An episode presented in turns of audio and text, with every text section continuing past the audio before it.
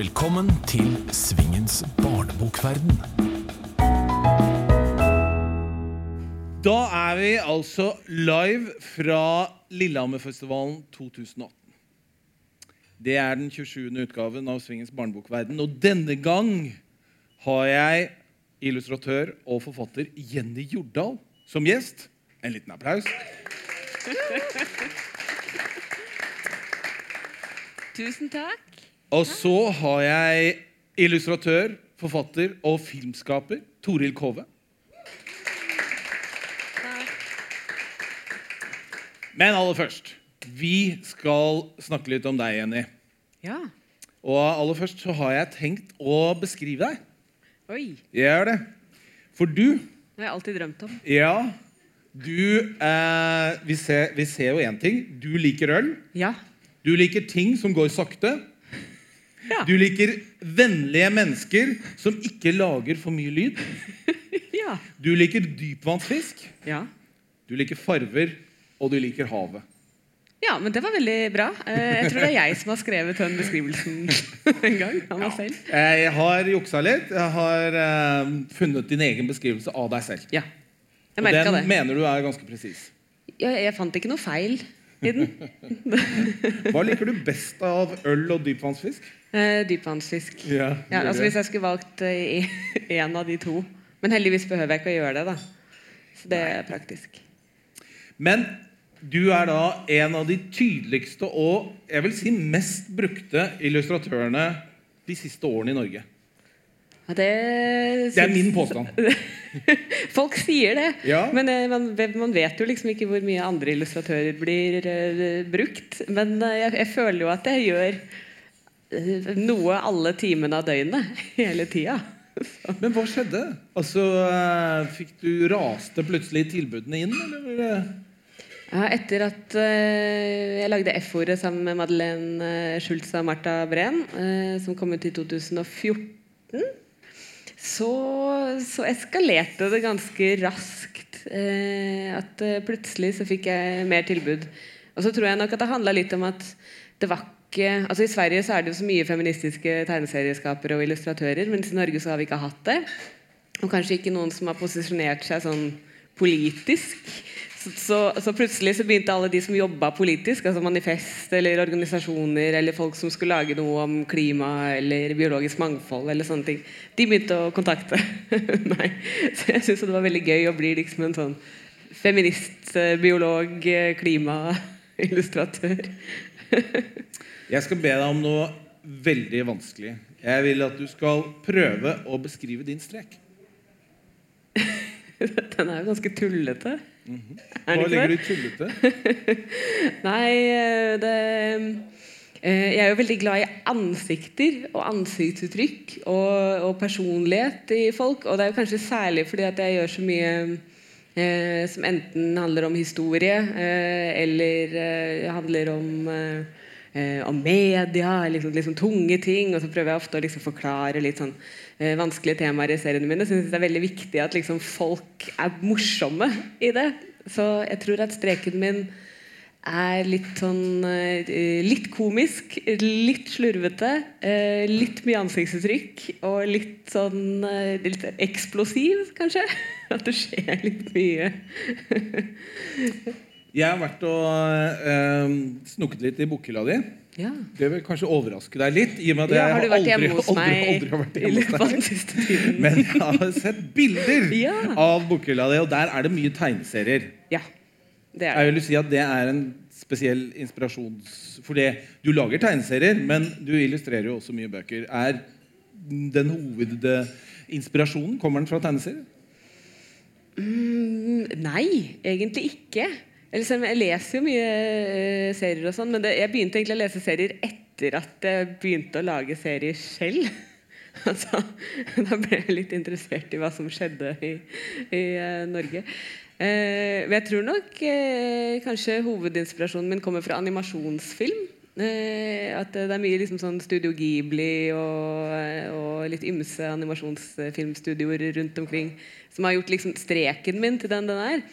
Eh, mens mye av inspirasjonen min kommer nok fra liksom eh, komedie og satire og, og media og at jeg leser mye aviser, på en måte. At det er der det kommer fra.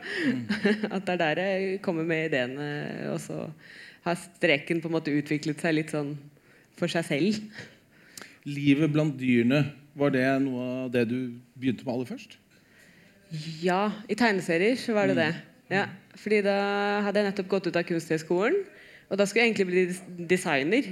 Fordi at uh, tegneserietegner var på en måte ikke noe jeg tenkte at man kunne bli. Uh, og da jeg fant ut at man kunne bli det, så tenkte jeg at da kommer jeg til å være skikkelig fattig resten av livet. om jeg blir det.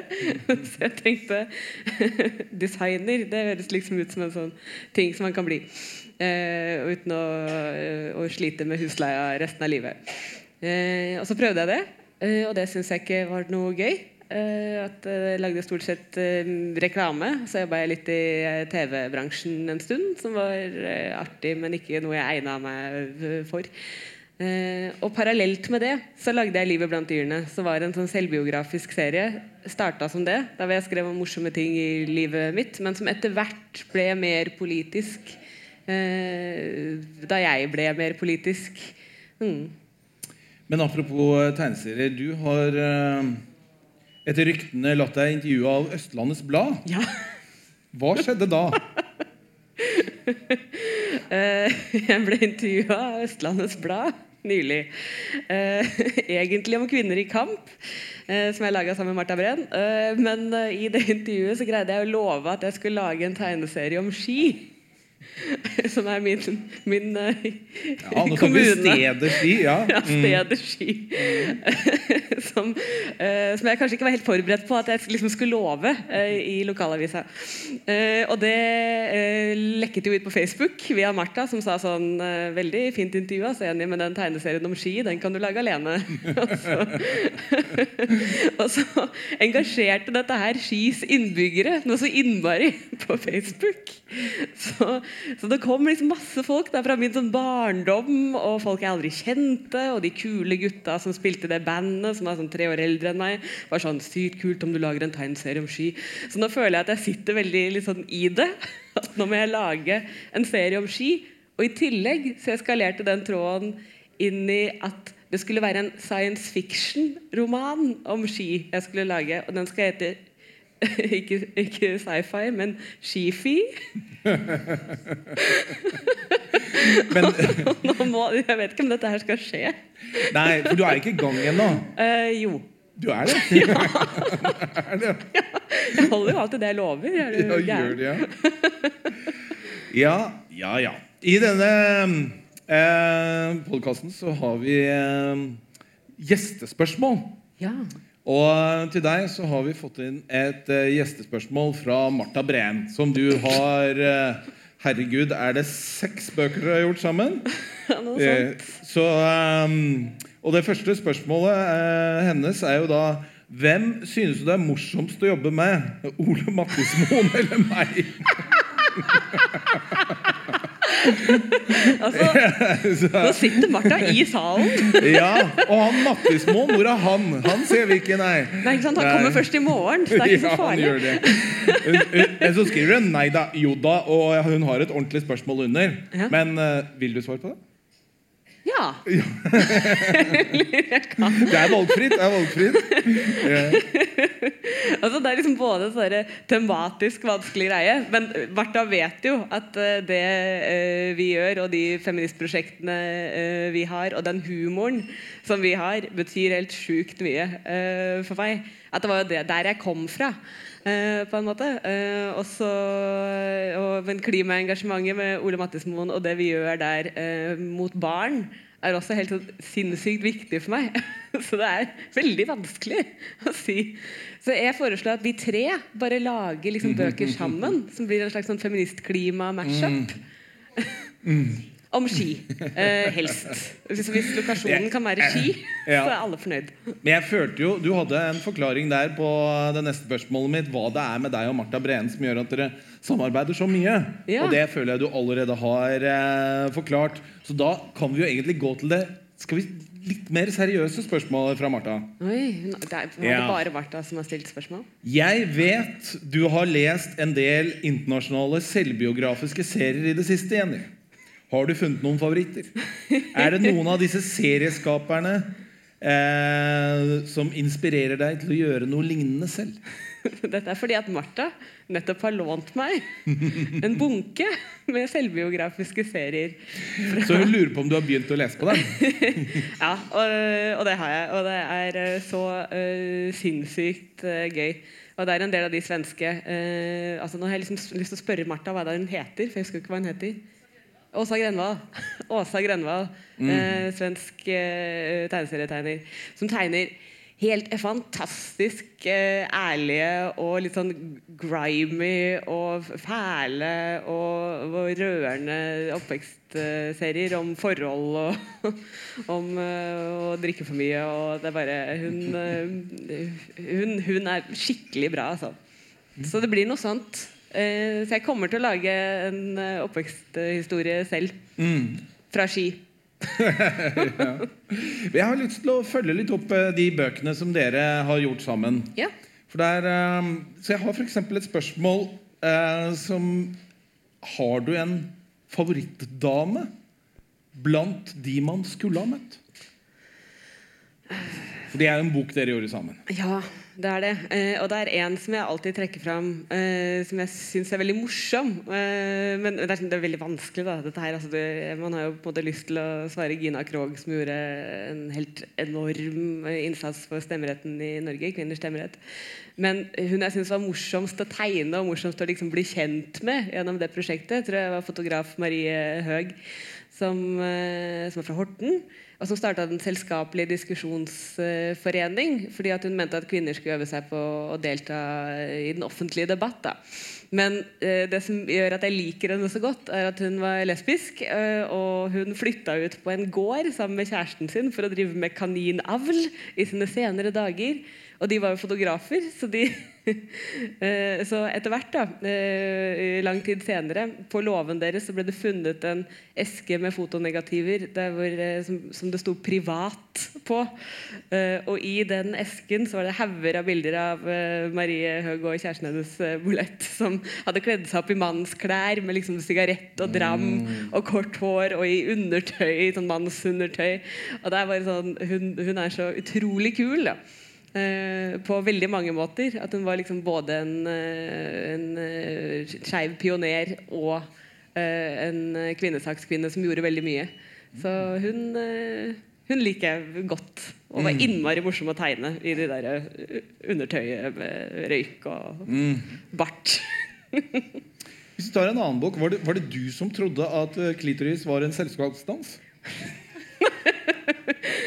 I så lang tid. Det var et Var kjempestort det? eh, problem. Nei, det var ikke Ja. meg. Det var Kim Friele som det eh, det? trodde det en gang i tiden. Ja.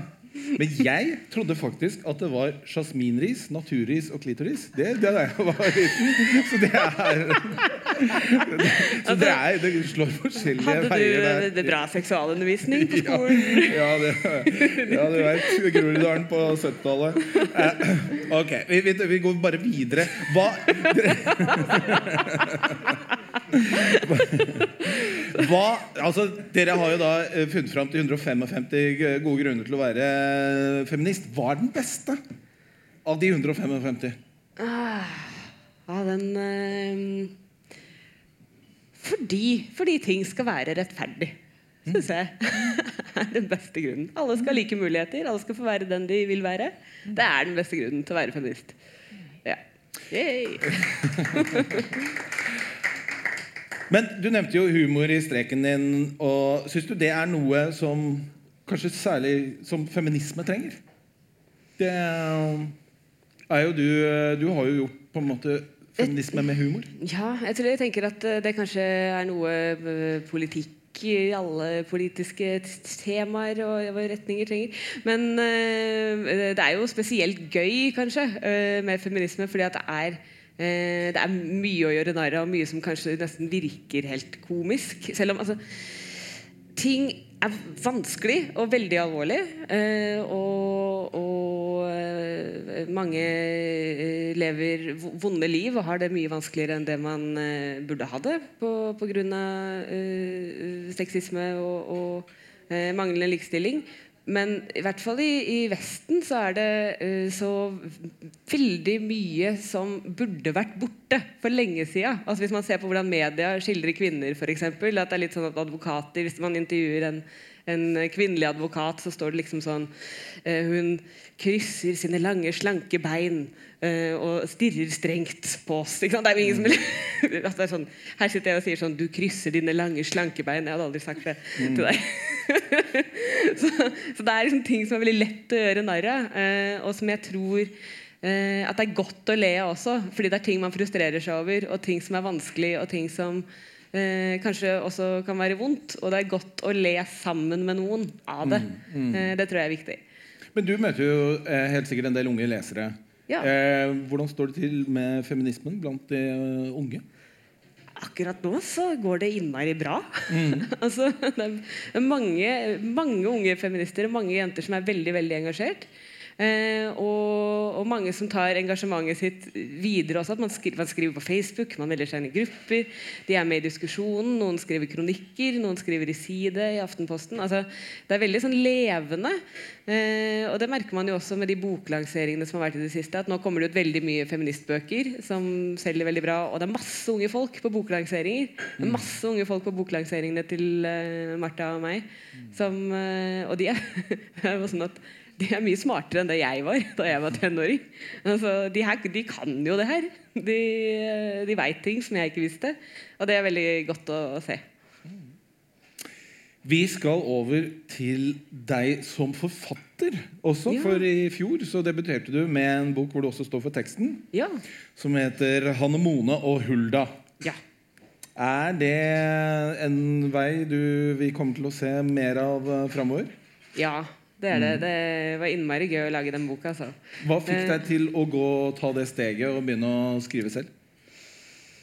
Jeg har alltid vært glad i å skrive. Eh, så jeg føler at det kanskje er mer en tilfeldighet at jeg ikke gjorde det før. Eh, fordi at det ble så mye morsomme prosjekter med Martha og Ole og, og så mye muligheter der, da. Men eh, jeg har jo alltid gått og brygga på noen bøker og noen historier som jeg har lyst til å fortelle. Eh, så, så det blir det definitivt mer av. Mm. Men eh, nå har du da en ny eh, bok sammen med Ole Mattismoen som da handler om miljøvern. Ja. Grønne greier. Mm. Eh, er dette noe som ligger ditt hjerte spesielt nært også? Det er det. Veldig. Mm. jeg var leder i Natur og Ungdom i Ski. Men det, var, no, Ski, det er en ting jeg pleier å si, men så kom jeg liksom på at jeg var egentlig bare det i en uke, og det gikk veldig dårlig.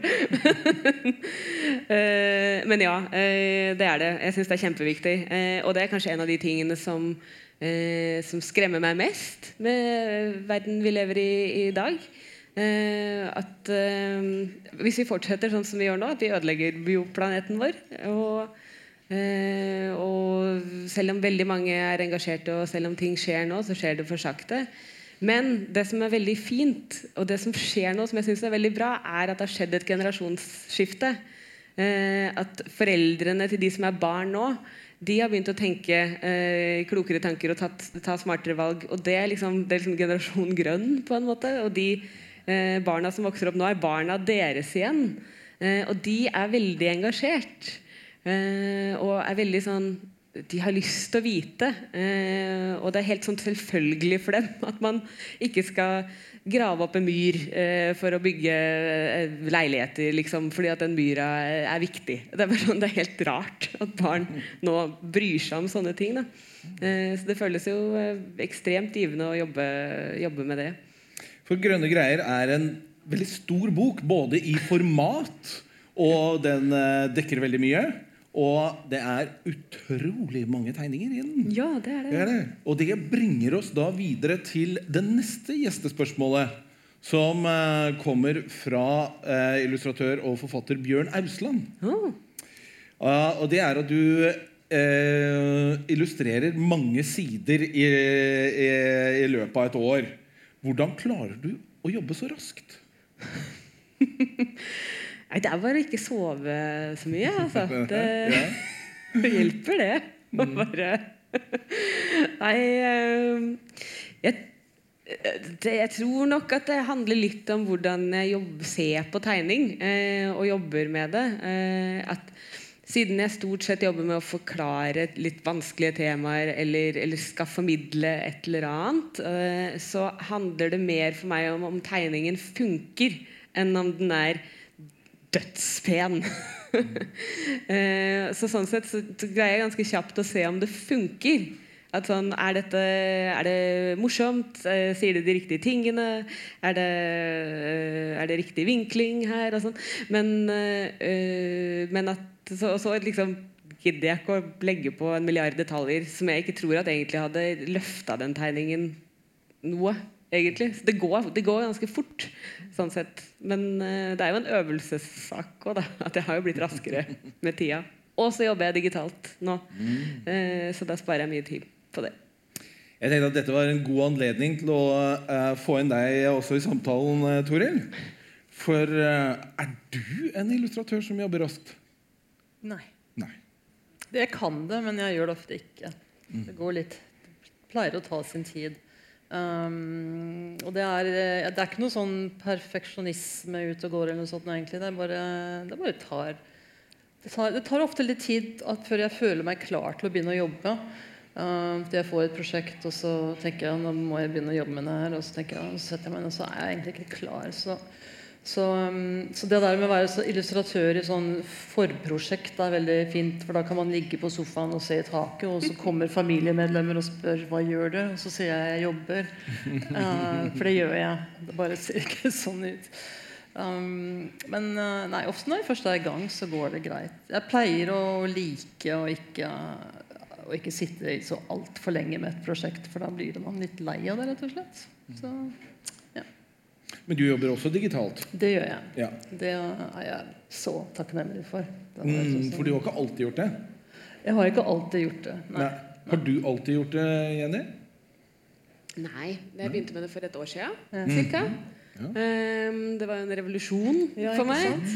Eh, at, uh, før det så har jeg jo sittet og blyantskissa og pennetegna og skanna og, Ja, ja. og holdt uh, på.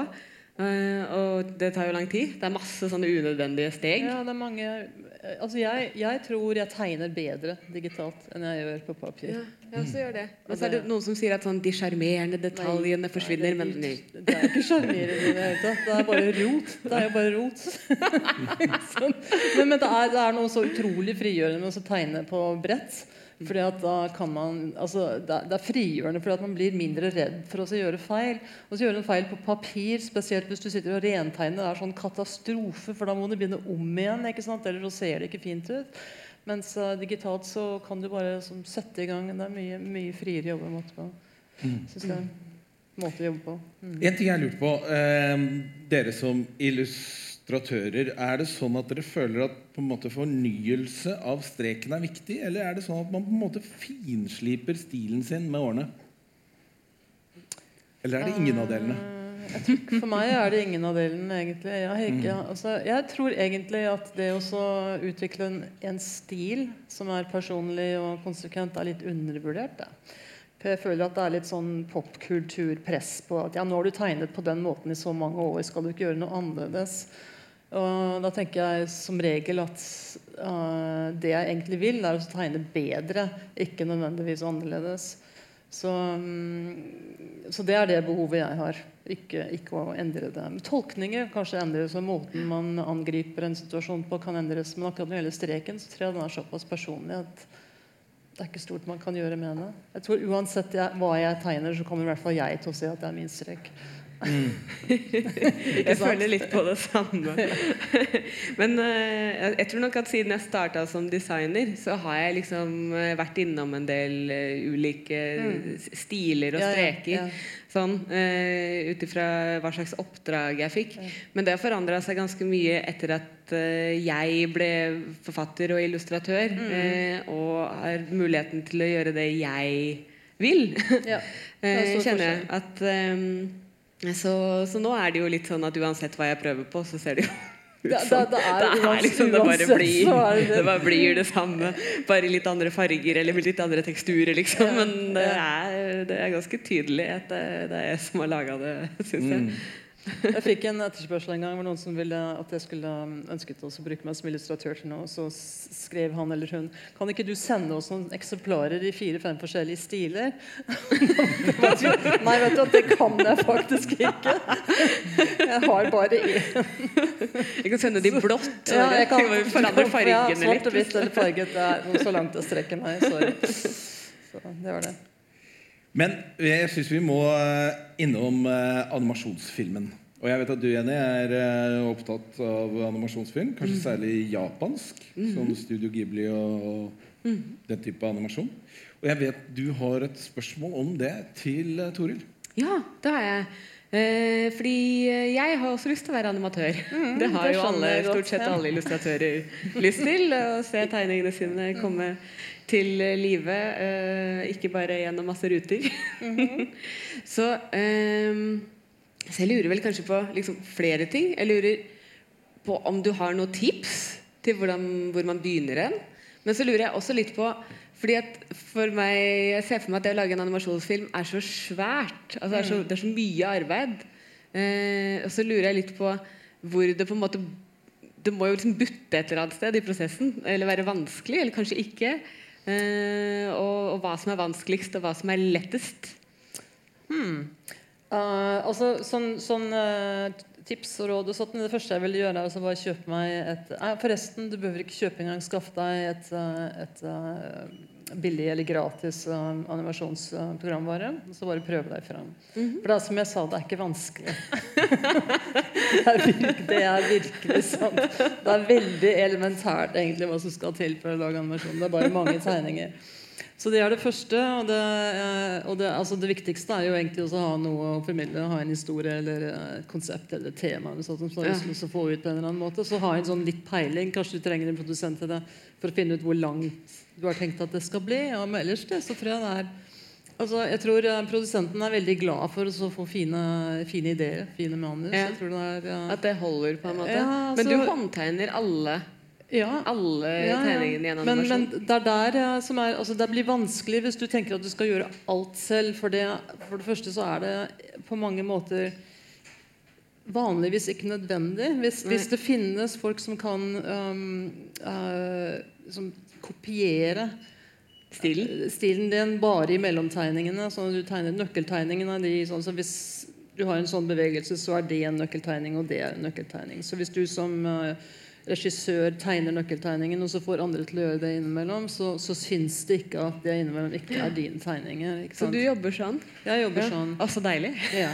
Men jeg gjør, jeg gjør vanligvis så gjør også sånn røff animasjon selv. Og så, og så har eh, jeg ofte en eller to assistenter som, som hjelper til. Og det å ha en assistent eller to eh, på animasjonsfilm, det kan føles litt som om man liksom får andre til å gjøre sin greie. Men det er ikke sånn i det hele tatt, egentlig.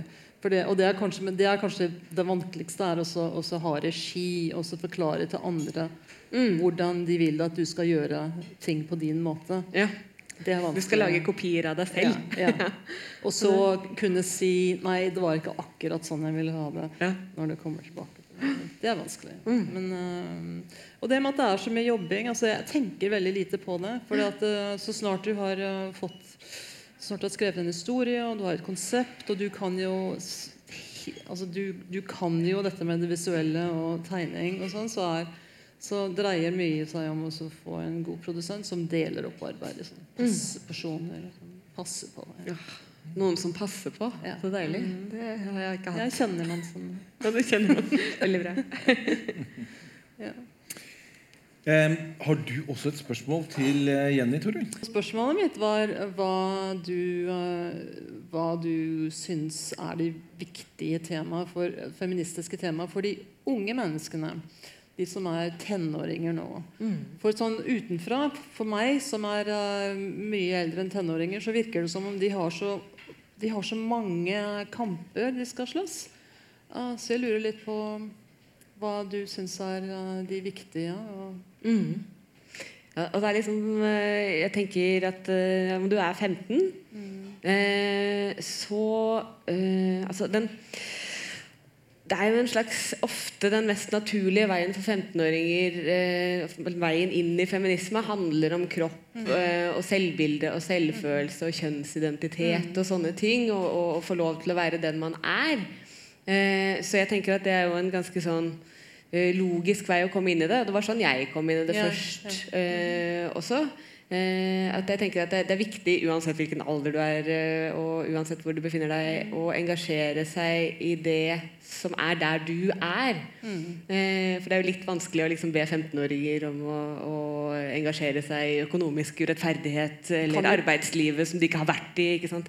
Så Men det kommer fort nok. men det, men det kommer, Ja, ja, ikke sant? Eh, At eh, om, man, eh, om man begynner et sted, Mm. så ruller den ballen ganske raskt. Ja. fordi at disse tingene henger jo ganske tett sammen. ikke sant? Eh, og, eh, og det handler jo om, om like muligheter eh, og, og rettferdighet. ikke sant? Så, det, Mm. så om det handler om eh, kropp eller økonomi eller Ja. arbeid eller altså sånn det, det henger sammen. Men Mm. eh, ja, de, engasjerer, de bør engasjere seg der de er. I det, ja, i det de kjenner at det er nærmest dem, Ja. tenker jeg. Ja. Mm. Det er, uh, høres klokt ut. Så bra.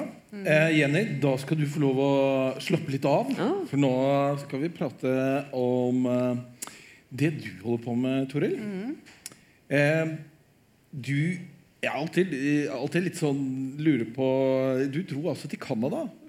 Hva, hva er bakgrunnen? Hva er historien? Um, det er en kjempelang historie. Det er en kjempelang historie. Ja, det en det er en veldig lang historie, men det, men det henger litt sånn sammen altså det, For å gå helt tilbake til begynnelsen Men jeg skal gjøre det veldig kort. Så var eh, Vi bodde familien min eh, da jeg var tenåring. 13 til 15 var jeg vel. Så vi bodde i Nairobi noen år.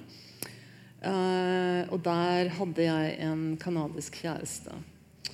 Og så øh, dro jeg fra Kenya, og så skrev vi litt. Og så etter ganske mange år senere, da jeg var i begynnelsen av 20-åra, så var jeg i Montreal um, for å besøke noen venner som jeg også hadde truffet i forbindelse med foreldrene mines opphold i Kenya. Og da traff jeg helt tilfeldigvis den gamle kjæresten igjen.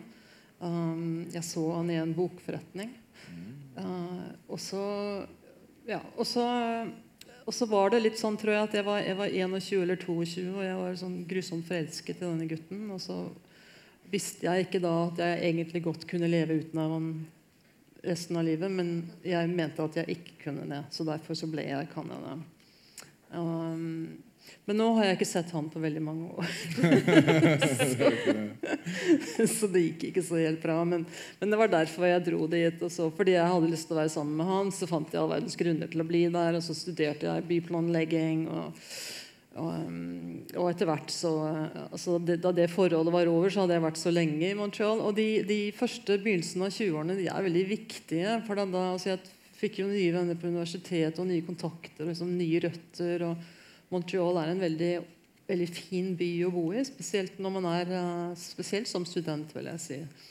Um, så det var litt vanskelig å komme tilbake. Og da, og, da, og da jeg egentlig kunne ta komme tilbake igjen, så var foreldrene og familien min var i Afrika en gang til. Så det var liksom ingen hjemme. Bokstavelig talt. Så tenkte jeg nei, da kan jeg bare bli der litt til. Og så bare ble det sånn, rett og slett. Og så siden så har jeg truffet en annen mann som jeg virkelig ikke kunne leve uten. Altså, ja. Så sånn ble det. Så det er egentlig, Jeg vil ikke si at det var tilfeldig, men det var ikke planlagt. Men du holder likevel mye kontakten med norske forfattere, norske Ja, ja. forlag og vel også det norske filmmiljøet. Absolutt. Så du tenker fortsatt på deg som norsk, eller? Ja, ja. ja. Altså, ja. Absolutt. jeg er veldig norsk. Jeg har sånn, jeg har sånn eh, geneprøvebevis på at jeg er fra Hamar. Så, um, nei, altså jeg har jo 95% av det jeg jobber med, det er jo, er jo i eh, Norge. Det er, det er bøker. Alle bøkene er på norske forlag. Og filmene er um, eh, finansiert mest av uh, norske institusjoner og litt av kanadiske. Så det er, det er her jeg har uh, arbeidslivet mitt, egentlig. Så det er jo noe som egentlig ikke hadde vært mulig for ikke så forferdelig mange år siden. Det er jo pga. Uh, the information highway vi kan gjøre det her. ikke sant? Det er blitt um, Så det betyr at du ikke har samarbeid med noen kanadiske forfattere? Nei, det, Nei, har, det det, har jeg ikke Nei. hatt. Nei. Mm. Nå har Ganske nylig så har, eh, så har et kanadisk forlag kjøpt uh, to av bøkene mine. De har kjøpt uh, 'Bestemor ser kongens skjorter' og uh, 'Tråder'. Uh, og så er det noe, et amerikansk forlag som har, vært, som har kjøpt Johannes Jensen-rettigheter. Så. Nei, så jeg har ikke jobbet med kanadiske forfattere. Men jeg har jobbet med kanadiske animasjonsskapere. Så de, de, der har jeg altså, Har kontakt med det, animasjonsmiljøet der. Ja, Mange tenker jo særlig på deg som filmskaper. selvfølgelig Det er jo uh, stor begivenhet hver gang du har blitt Oscar-nominert. Og det er jo tre ganger. Og til og med fått den første Oscaren som Er det siden uh, Thor Heyerdahl og Kon-Tiki? Er det ikke det? Ja, men altså Jeg husker veldig Det er helt vilt. Ja. Jeg husker Jeg glemmer aldri da vi satt i limousinen etter Oscar-utdelingen, så ringte Liv Ullmann. Eh, og så, for hun hadde kommentarer på filmen. Så hun ringte eh, og sa 'gratulerer, det er så flott, det er den første norske Oscaren'. Så sa jeg ja, men det er jo egentlig Thor Heyerdahl som var Nei, det teller ikke, det var en svensk produksjon. Så, så det var som noe tatt ut av filmen. Skandinavisk forvirring. Var det en norsk eller svensk Oscar? Nei, den teller ikke. Altså, hun mente den var den første. Men en ting jeg lurer på, sånn som med tråder som da er både film og bok, Ja. og det har du jo gjort flere ganger, Mm. er det sånn at boka kommer etterpå, eller er, fins det rekkefølge på dette? eller? Nei, den, kom, den har alltid kommet etterpå. Ja, den Ja, har det, ja. ja. Mm. Og det har alltid vært litt sånn presang å kunne gjøre boken etterpå. Jeg vil si spesielt tråder, for det var, det var en del ting jeg ikke, som jeg hadde lyst til å gjøre i tråder, som jeg ikke helt fikk til. på en måte. Og da syns jeg at jeg hadde en sjanse til til også å gjøre det om igjen. Og det var ganske mye sånn med Molten og meg også. At det var, eh, det var ting som jeg hadde lyst til å ha med i Molten og meg, som ikke var liksom filmatiske nok til å få med, men som jeg da kunne gjøre i boka. Men du gjør jo også en del bøker sammen med norske da, forfattere som eh, skriver da teksten. Em, hva er det du ser etter spesielt i sånne samarbeidsproduksjoner? Altså det er eh, Det er en sånn veldig interessant sånn tolkningsøvelse. Og jeg syns det er um, det er, jeg, jeg føler at liksom, jeg blir virkelig altså de, de jeg har illustrert forfattere har illustrert tek, um, bilder til deres tekst. Jeg føler at jeg blir så godt kjent med dem etter hvert. Eh, jeg vet ikke hvor glad Henrik Hovland er for det her, men også når jeg ser Johannes Jensen-bøkene, så er Johannes er Henrik. ikke sant? Er, der er han. Um, og um, Nei, det er, det er på mange måter ganske intimt. Og så er det veldig spennende å få til den der balansen med at forfatteren Uh, forstår det du bidrar til, eh, til historien, som, som jo bildebøker er veldig viktig. For det er jo det er bildene man ser. Uh, så de har en sånn veldig sånn eh, eh, presence, da, for å si det sånn. Så det er, det er, det er veldig interessant, og så er det litt skummelt. Men jeg liker det veldig godt. Jeg liker det på en måte Jeg vil ikke si at jeg liker det bedre enn å illustrere mine egne bøker, men er, jeg liker det kjempegodt. Men det må jo være fine historier, da, ellers så går det jo ikke. Ja, for det hender at du Ja. sier nei. Ja, det hender. Mm, ja. Eh, vi har jo fått inn eh, noen gjestespørsmål til deg òg. Oi, ja. Ja, og jeg har lyst til å begynne med det. Det er også fra Marta Breen. Så eh, Hun er jo ekspert på gjestespørsmål i dette programmet. Og Hun vil stille deg spørsmålet Har du vurdert å lage tegneserier. Det tror jeg nemlig du ville ha blitt Det ville ha blitt veldig bra. Det var det puffet jeg trengte. vet du. Tusen takk. Ja, jeg, har, jeg, har, jeg har lenge hatt lyst til det. Det, har, det var det da jeg begynte sånn, å tegne sånn før animasjon, så var det det jeg hadde lyst til å gjøre. Jeg hadde lyst til å lage tegneserier. Jeg, jeg, en gang så sendte jeg en, en liten tegning til en New Yorker. så, så da var jeg veldig naiv. jeg tenkte, jeg var så stolt av den tegningen jeg hadde lagt. At den her er så fin at den tar de kanskje. ikke sant? Men da hadde, var det noen andre blader som hadde tatt tegningene mine. Da. Men jo, absolutt. Jeg kunne godt tenke meg det. Jeg syns det hadde vært kjempespennende. Ja, Det vil jeg gjerne gjøre. Så eh, før eller senere så gjør jeg det. ja. Så Ikke om, det- ikke om ski, da, men kanskje Ikke om sky, nei. nei ok. Tema underkommunisert. Em, ja. Noen gjestespørsmål eh, er litt mer krevende. Oi. Og eh, vi har fått inn eh, et her fra Henrik Hovland, Oi. som du har gjort Johannes Jensen-bøkene sammen med. Ja. Og han skriver Du har fortalt at Den lille prinsen av Antoine de Saint-Exupéry var en bok du aldri helt fant tonen med. Nei. Noe du ikke er alene om. Ja. Og så kommer spørsmålene. vet du Det er hvilken ba eh, barnebok Hvilke barnebokklassikere mener du er overvurderte, og hvorfor? Oi, Og hvilke gamle klassikere er i ferd med å forsvinne inn i glemselen, men fortjener nytt liv og nye lesere? Vær så god, ordet er Han ditt. burde altså, Henrik, hvis du hører det her, du burde ha advart meg mot det her. Altså, altså jeg syns 'Den lille prinsen' er overvurdert. Men det er bare meg, ikke sant. Uh, hva annet er overvurdert? Um, men nei, så greier ikke å tenke så fort. og Altså. Har dere noen forslag? Men motsatt, da. har du noen som eh, du har et veldig nært forhold til, som Jeg ikke er så veldig et, kjent? ja, jeg har et supernært forhold til to barnebøker. Og Den ene er 'Putte i blomsterskogen'.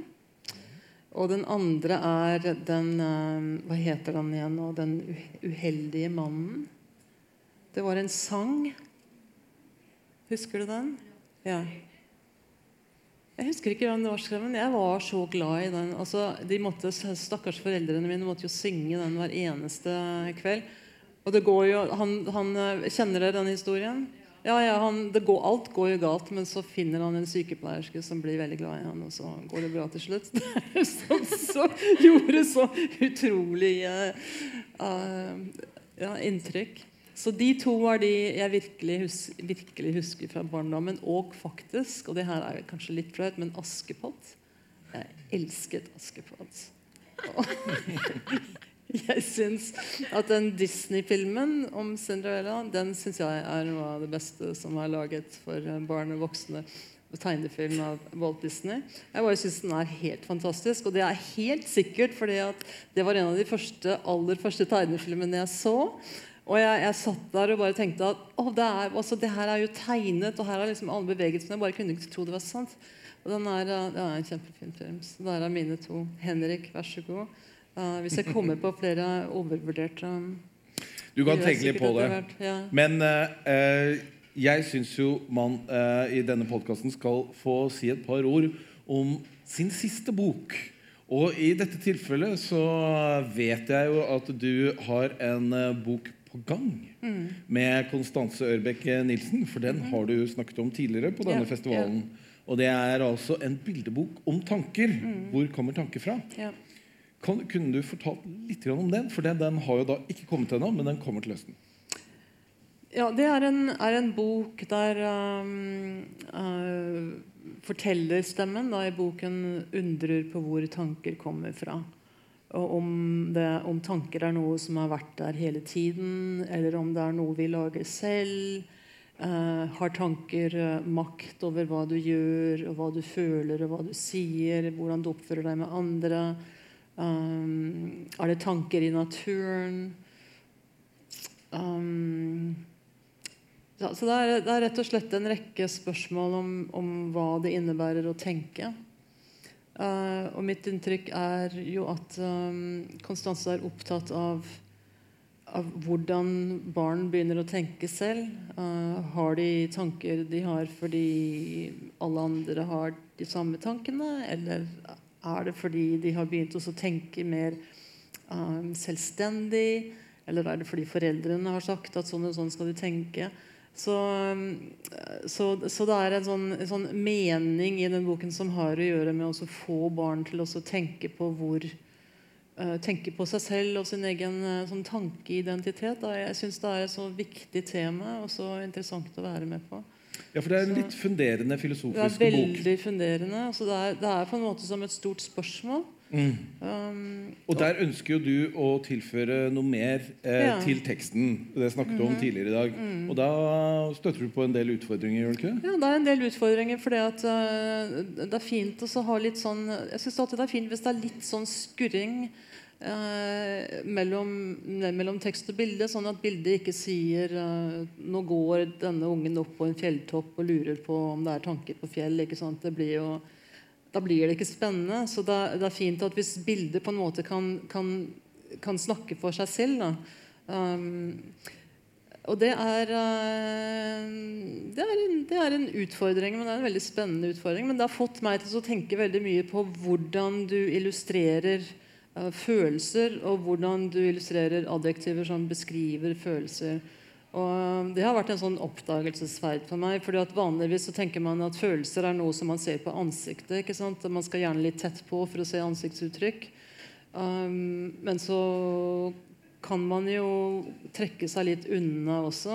Og, og det kan si mye om et menneske at hun eller han står bitte liten helt alene i et stort landskap, f.eks.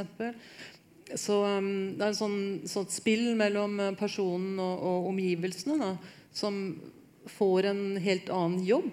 på en måte, Når det, den skal gjøre, når, tegn, når det tegningen skal gjøre, ikke er å beskrive noe, men å, å, å illustrere et, uh, et uh, tankefenomen.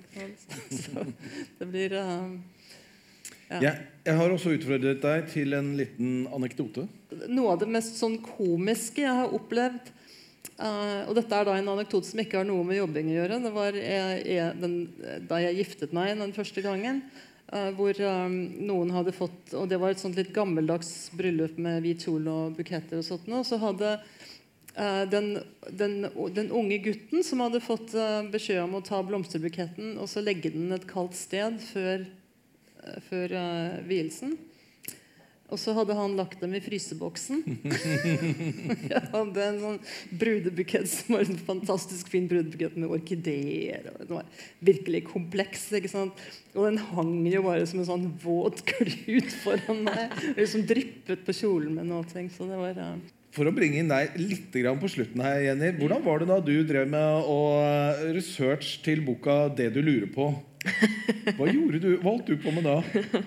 Det er jo en, eh, en bok som eh, handler om eh, kjønnsidentitet og sex og, forelskelse og følelser. Og forfatterne av boka hadde sagt at det er veldig viktig når du tegner at ting ser riktig ut. Når du tegner kropp, så må det se riktig ut. Sant? Og da må man jo gjøre research. Så da eh, måtte jeg google sånn kjønnsorganer i tre uker. Men det gjorde jeg i åpent kontorlandskap. og det er liksom noe med når man googler kjønnsorganer på engelsk med liksom spesifikk hudfarge og liksom helt sånne spesifikke ting, eh, at de spesifikke søkene kanskje tilhører en fetisj for noen. Så det så jo helt forferdelig ut da jeg satt og googla. Så jeg drev og forklarte da for alle disse folka som gikk forbi det åpne kontorlandskapet, at dette her er jobb, altså. Det er jobb. det var helt, helt grusomt. Så jeg måtte, jeg måtte ha hjemmekontor Jeg måtte slutte å være der. Det var godt vi fikk en helt uegnet uh, anekdote helt til slutt. Ja, takk. For tusen takk til Tore Kove, og tusen takk til Jenny Jordan. Du har hørt på Svingens barnebokverden med Arne Svingen.